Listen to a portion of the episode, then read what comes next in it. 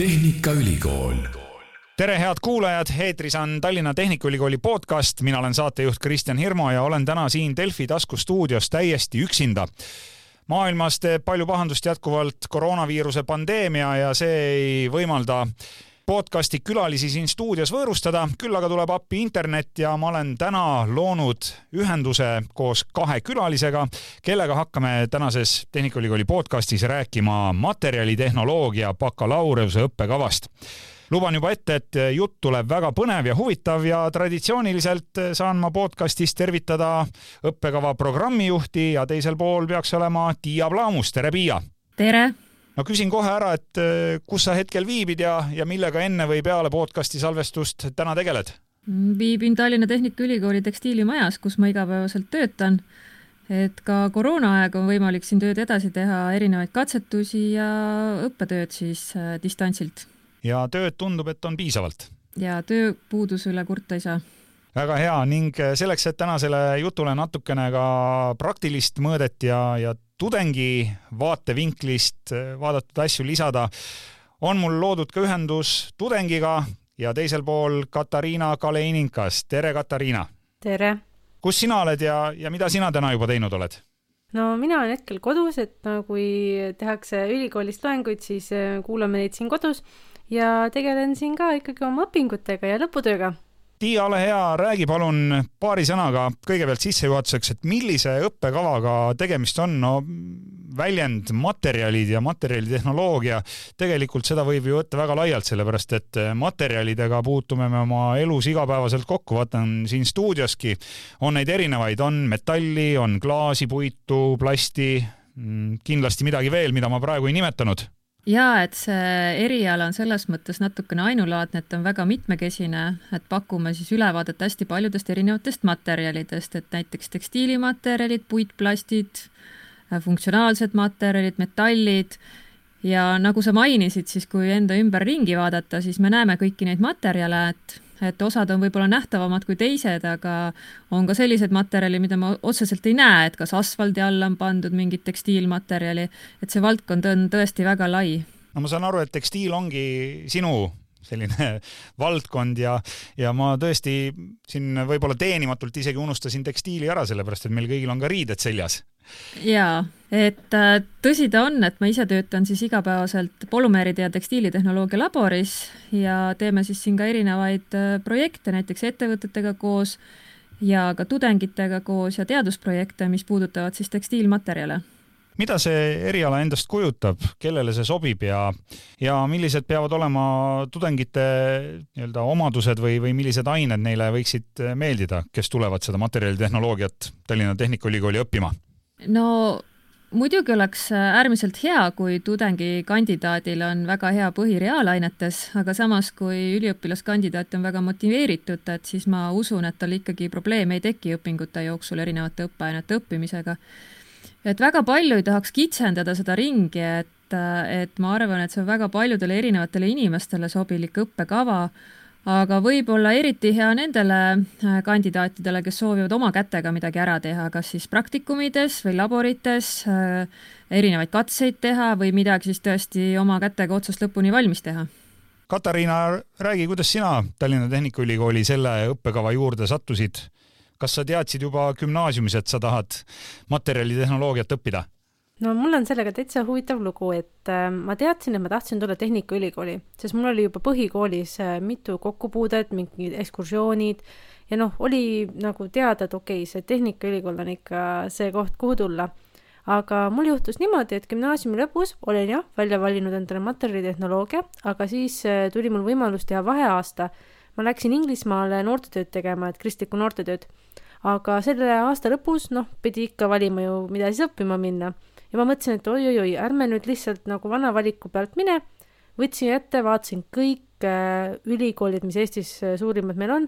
vaatasin läbi, mida nad siis pakuvad, mida õppida saab. ja terve selle sõela läbi teinuna ikka materjalitehnoloogia oli ikkagi see, mis jäi nagu selleks ainuõigeks valikuks, et siin on keemiat, siin on natuke füüsikat, matat ja just nagu nii palju erinevaid materjale ja nagu erinevaid valdkondi, et äh, tõesti igast asjast saab nagu ikka mingi põhja kas sul on oma lemmikmaterjal ka juba välja kujunenud kolme õpinguaasta jooksul?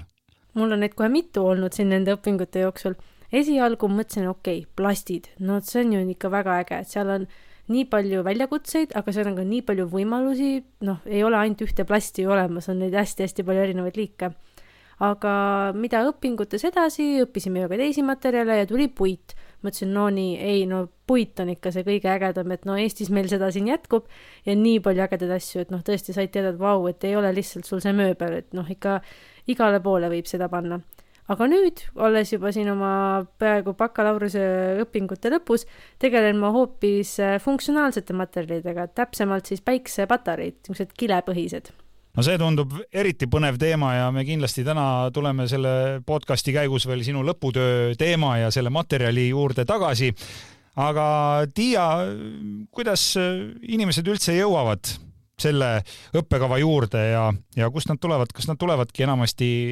gümnaasiumipingist või, või juba ka mõnelt muult erialalt?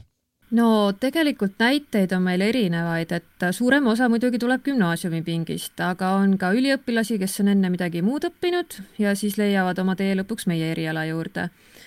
ja see, kust nad tulevad, et see on ka hästi lai, et Saaremaast Narvani ja Tallinnast Võruni, et tõesti hästi palju erinevat, hästi paljud erinevad koolid on äh, esindatud ja on ka seda juba, et äh, kas need tudengikandidaadid on osalenud meie õpitubades, mida me korraldame, või avatud uste päevadel ja muidugi tänapäeval saavad infot ka hästi palju internetist või sotsiaalmeediakanalitelt. no Tehnikaülikool, nagu nimigi ütleb, äh, seal need erialad on, on sellised, et saab ikkagi oma käe külge ka panna ja ma eeldan, et materjalitehnoloogia bakalaureuse programm on ka selline, kus ei istuta mitte ainult auditooriumis või, või seminariruumis, et millised need praktilised praktilised tööd ja, ja katsed ja, ja polügoonid on, kuhu tudengid suunatakse? no väga palju erinevaid laboreid on siis kaasatud sellesse õppetöösse väga mitmest instituudist samamoodi no näiteks äh, tekstiilimajas me tegeme laserlõikusega, äh, teeme nutitekstiile, katsetame materjale, meie puidulaboris on siis Eestis ainulaadne spooni äh, pink, kus on võimalik siis ise palgist vineeri valmistada. muidugi meil on kolm suurepärast päikeseenergeetika materjalidega seotud laborit, saab näiteks nailonit ise sünteesida, metalle katsetada, et võib-olla Katariina tahab siin veel täiendada no Katariina, mis sulle võib-olla endale sellised kõige põnevamad praktilised asjad on, on nüüd kolme õpinguaasta jooksul tundunud, et millele oled ise saanud käe külge panna? ja juba täitsa, ütleme esimesest ja teisest semestrist saab täitsa ja laboris ikka mässata ja, ja teha igasuguseid praktikume ja laboratoorseid töid, et et ütleme, et need, kes äh, on gümnaasiumis ja mõtlevad keemiatunnis, et appi, et tahaks nagu mingeid katseid teha, siis äh, materjalitehnoloogias saad nagu need, äh, need unistused nagu täide viia. aga ma ütlengi, et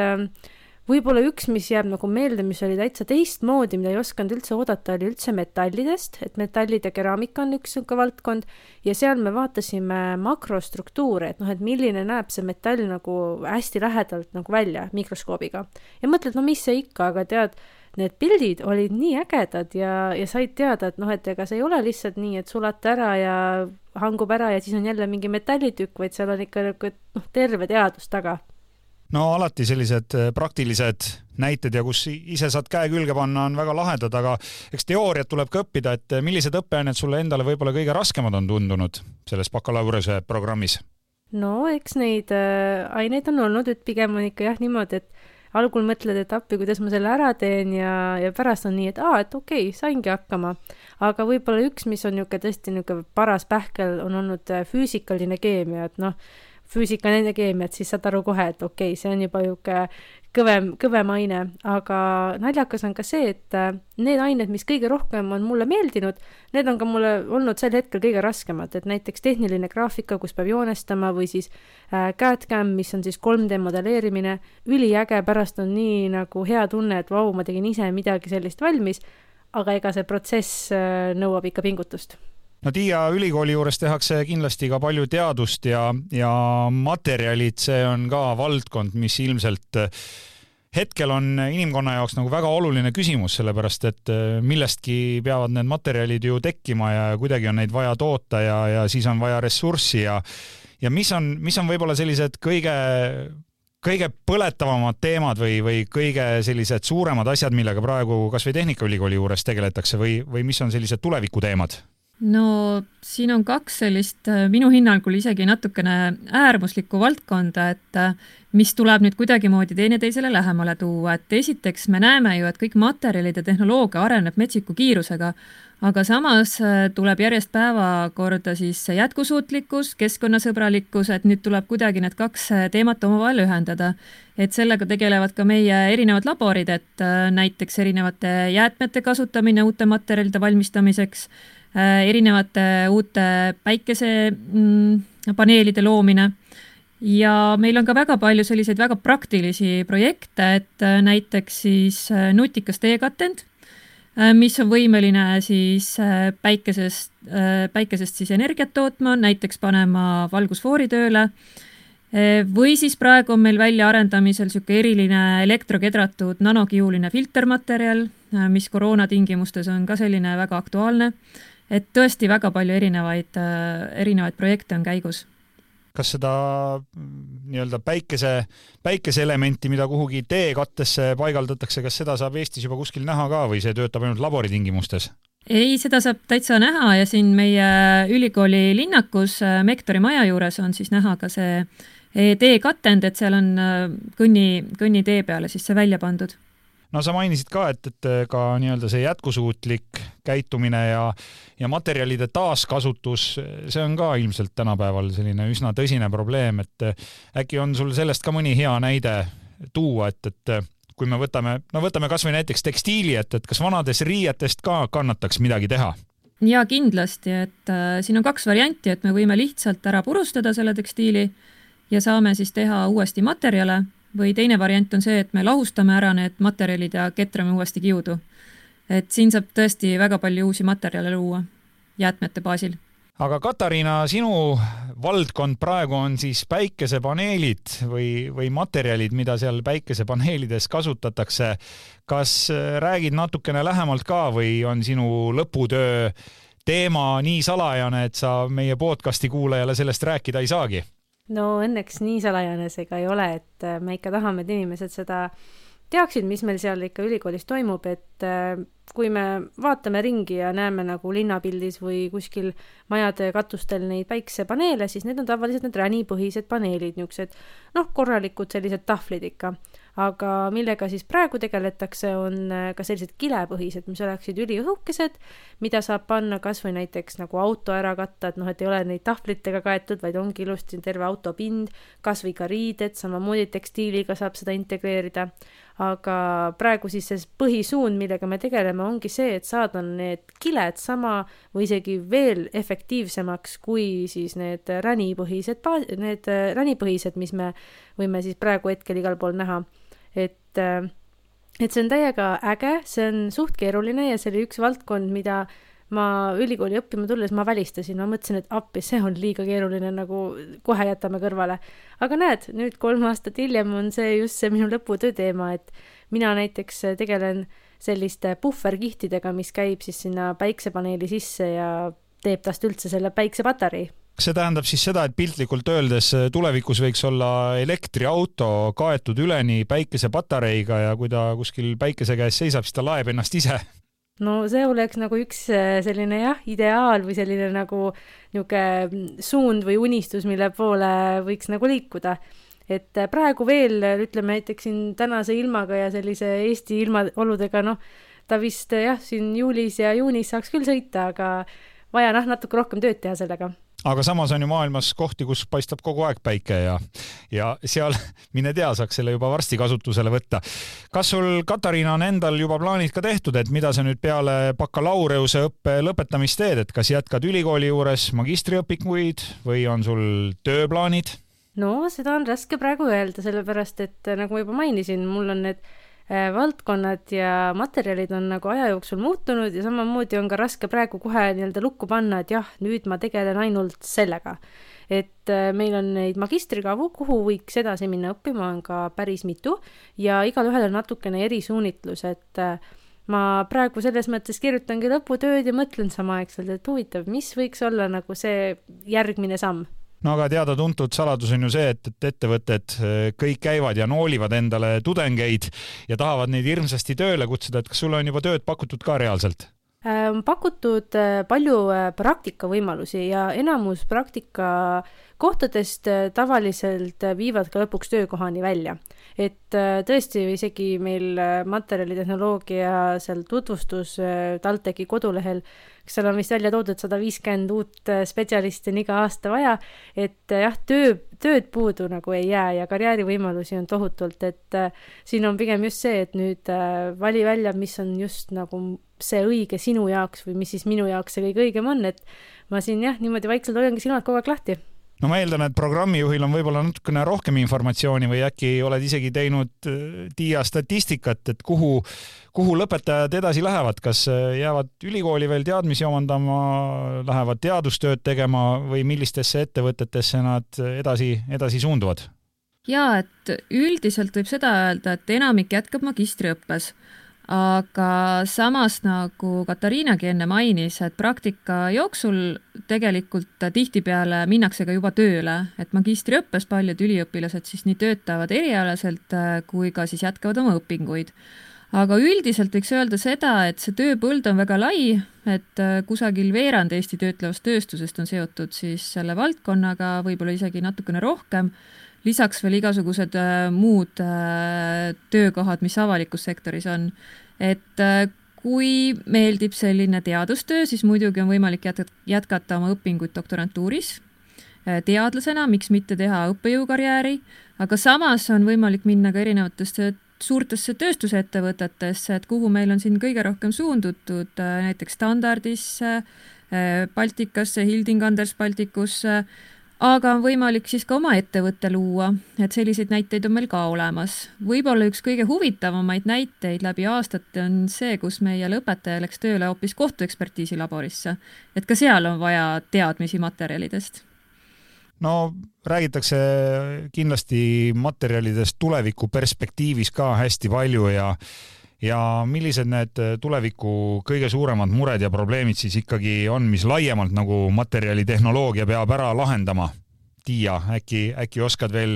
olla natukene täna siin podcastis ennustaja rollis ka, et, et, et mis on, mis on need kõige suuremad ja kõige olulisemad murekohad või, või probleemid, millega on vaja tegeleda tulevikus? no eks tulevikus ilmselt äh, üks suur probleem on see, kust saada toorainet juurde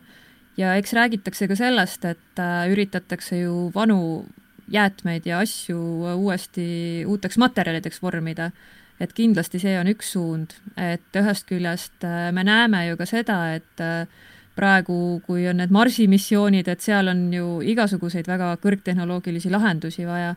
et ühest küljest äh, selline kõrgtehnoloogilisus, aga teisest küljest siis üritatakse ikkagi jääda nagu jätkusuutlikuks ja keskkonnasõbralikuks, ma arvan, et see on see kõige suurim väljakutse, mis siis ka meie lõpetajaid tulevikus ees ootab. Katariina siis otsapidi sellega juba tegeleb, ehk siis äh, päikeseenergia ja nende uudsete päikeseelementide tootmine, et, et vastab täiesti sellistele nõu-, nõuetele ja standarditele, et, et olla, olla jätkusuutlik ja innovatiivne ja, ja tulevikule kasulik. just nii küsin, Tiia, veel sinu käest, et äh, kui nüüd keegi meie juttu kuulab ja mõtleb, et see on üks lahe eriala, mida tahaks ise ka Tallinna Tehnikaülikoolis õppida, siis kuidas käib vastuvõtt TalTechi materjalitehnoloogia bakalaureuse õppesse? vastuvõtt toimub meil siis äh, veebikeskkonnas äh, sais.ee ja tegelikult on vastuvõtt juba alanud ja meil on juba ka esimesed sisseastunud olemas see toimub siis esimesest jaanuarist kuni kuuenda juulini kella kaheteistkümneni, aga on võimalik siis tulla ka koha peale avaldusi ja dokumente esitama. kas on ka mingid sisseastumiskatsed, eksamid, vestlused, mille järgi valiku teete? katseid ei ole, et äh, meil piisab siis äh, riigieksami tulemustest, milleks on siis eesti keel ja matemaatika nii et kõik, kes praegu asja vastu rohkem huvi tunnevad, leiavad selle informatsiooni kindlasti üles ka TalTechi koduleheküljelt ja teie uksed, ma saan aru, on avatud. jaa suur tänu täna tulemast virtuaalselt siia Tallinna Tehnikaülikooli podcasti, programmijuht Tiia Plaamus, aitäh! aitäh! ja Katariina, sulle soovin siis edukat lõputöö kirjutamist ja loomulikult kevadel ka kaitsmist. aitäh, läheb kindlasti hästi ja teeme nii head põrumist ja aitäh sulle, kes sa kuulasid ära tänase Tallinna Tehnikaülikooli podcasti. selle leiab Delfi taskulehelt tasku.delfi.ee ja lisaks on see leitav ka Spotify's, SoundCloudis ja iTunesis. suur aitäh veel kord tänastele külalistele, mina olen saatejuht Kristjan Hirmu ja püsige terved.